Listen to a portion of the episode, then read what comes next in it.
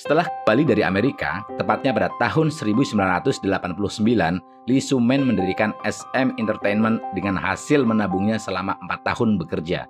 Tahun 1990, SM Entertainment mendebutkan penyanyi hip hop Hyun Jin Young yang langsung melejit di Korea Selatan.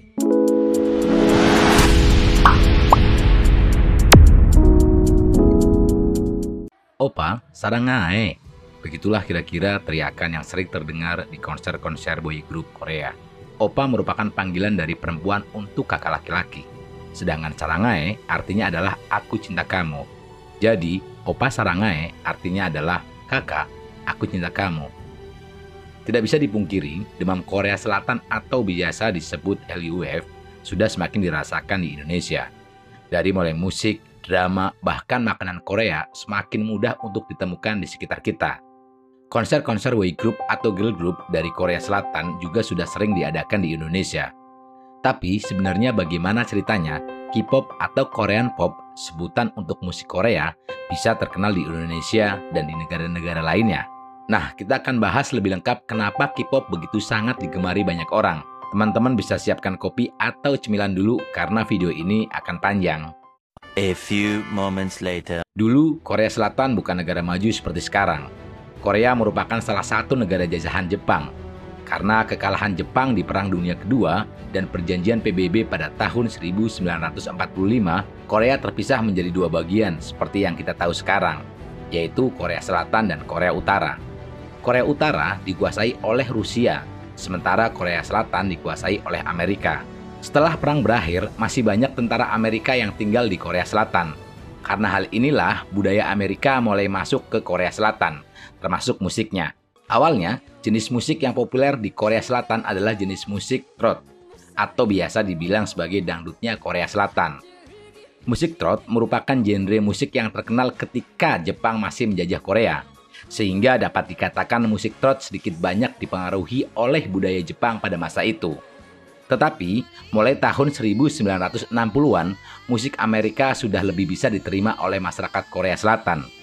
Lee Soo-man, seorang penyanyi yang didebut pada tahun 1972, mengawali karirnya sebagai penyanyi di kafe. Selain menjadi penyanyi, dia juga bekerja sebagai DJ dan pembawa acara di televisi. Tahun 1980, Lee Soo-man membentuk sebuah band yang bernama Lee Soo-man and 365 Days. Namun pada masa itu, Korea Selatan ketat dengan aturan sensor media yang membuat karir Lee Soo-man menjadi lesu. Akhirnya, Lee Soo-man melanjutkan pendidikannya di Amerika untuk mengambil gelar master. Selama di Amerika, ia melihat revolusi baru dalam musik yaitu berupa musik video.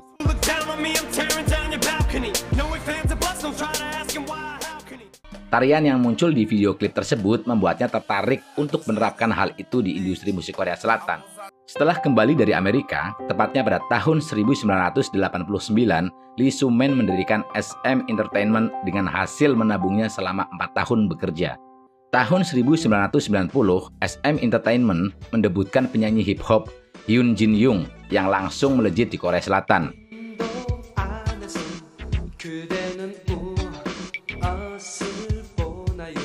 Namun ketika sedang berada di puncak karir, Hyun Jin Young tertangkap karena masalah narkoba. Hal ini membuat Lee Soo-man memperketat peraturan kepada artis-artis yang berada di bawah naungan agensinya.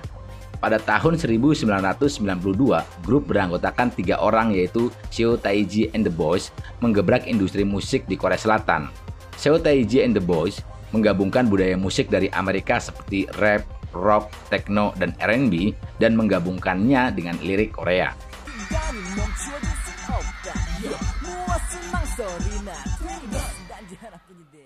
Ternyata, jenis musik yang unik itu sangat digemari oleh warga Korea Selatan.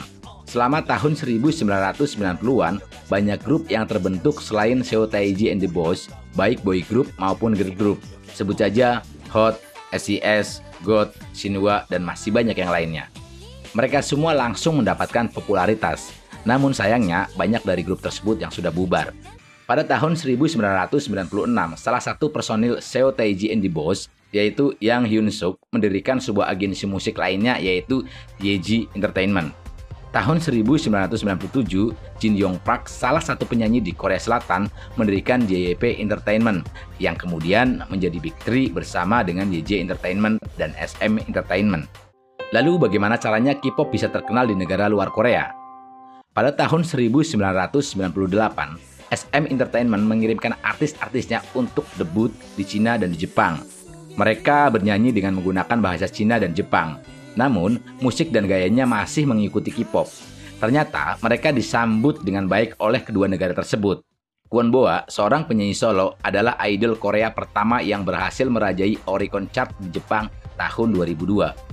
Selama 2002-2007, Boa berhasil menempatkan keenam albumnya di chart. Sedikit banyak kesuksesan Boa inilah yang mengantarkan K-pop untuk semakin dikenal di dunia. Mulai tahun 2010, akhirnya mulai banyak lagu-lagu idol Korea Selatan lainnya yang berhasil masuk ke Oricon Chart, seperti TVXQ, SNSD, dan Kara. Bahkan, TVXQ yang beranggotakan dua orang, yaitu Sim Changmin dan Yoon Yoon Ho, memperoleh rekor dalam jumlah penonton. Rangkaian tur TVXQ yang bertajuk Begin Again yang dilaksanakan di Jepang dan selesai pertengahan tahun 2018 lalu mampu mendatangkan satu juta penonton. Perolehan ini sekaligus membuat TVXU sebagai artis di luar Jepang satu-satunya yang mampu mendatangkan satu juta penonton dalam satu rangkaian tur. TVXU memiliki penggemar yang bernama Koshipoya. Karena jumlah penggemar yang sangat besar, pada tahun 2008, TVXU tercatat dalam Guinness Books of Record sebagai satu-satunya grup yang memiliki anggota fan club paling banyak di dunia dengan lebih dari 800.000 anggota yang bergabung di fan club resmi. Sepertinya tidak hanya cukup di Asia, idol Korea Selatan mulai memasuki pasar Amerika dan Eropa. Kwon Boa merilis album pertamanya yang diberi nama Boa di Amerika pada tahun 2009. Album tersebut berhasil menduduki peringkat 127 di Billboard 200. Selanjutnya, tahun 2018, lagu Gangnam Style menjadi viral karena tariannya yang unik. Bahkan saat ini, video Gangnam Style di YouTube telah ditonton lebih dari 3 miliar yang menjadikannya termasuk dalam 10 video YouTube dengan viewers terbanyak. Salah satu boy group asal Korea Selatan, BTS, juga menjadi grup dari Korea Selatan pertama yang berhasil menduduki peringkat satu Billboard Chart dengan album mereka yang bernama Love Yourself Tear. Tak hanya itu, grup yang beranggotakan tujuh orang, yaitu RM, Jin, Jimin, Suga, V, J-Hope, dan Jungkook, mengalahkan Justin Bieber, Selena Gomez, dan Shawn Mendes dalam kategori Top Social Artist.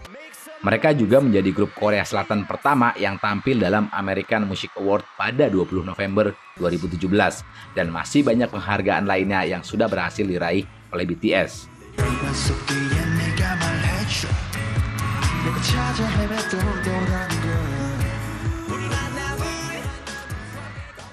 Lantas kenapa K-pop sangat digemari ya?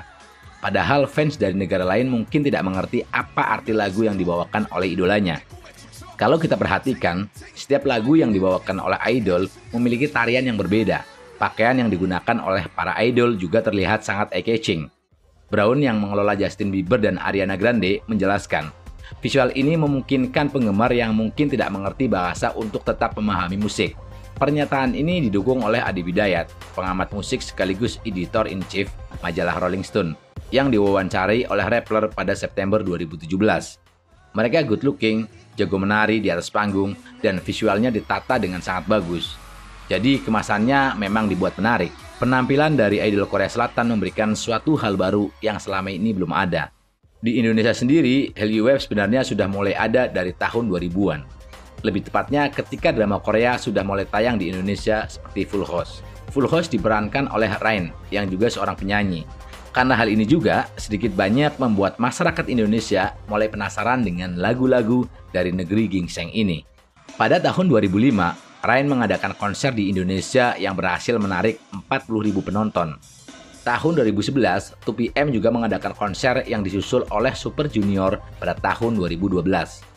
Melihat banyaknya antusias masyarakat di Indonesia terhadap grup Korea Selatan, akhirnya SM Entertainment mengadakan konser SM Town Live World Tour Free di Indonesia pada tahun 2012. Konser tersebut diisi oleh semua idol asuhannya.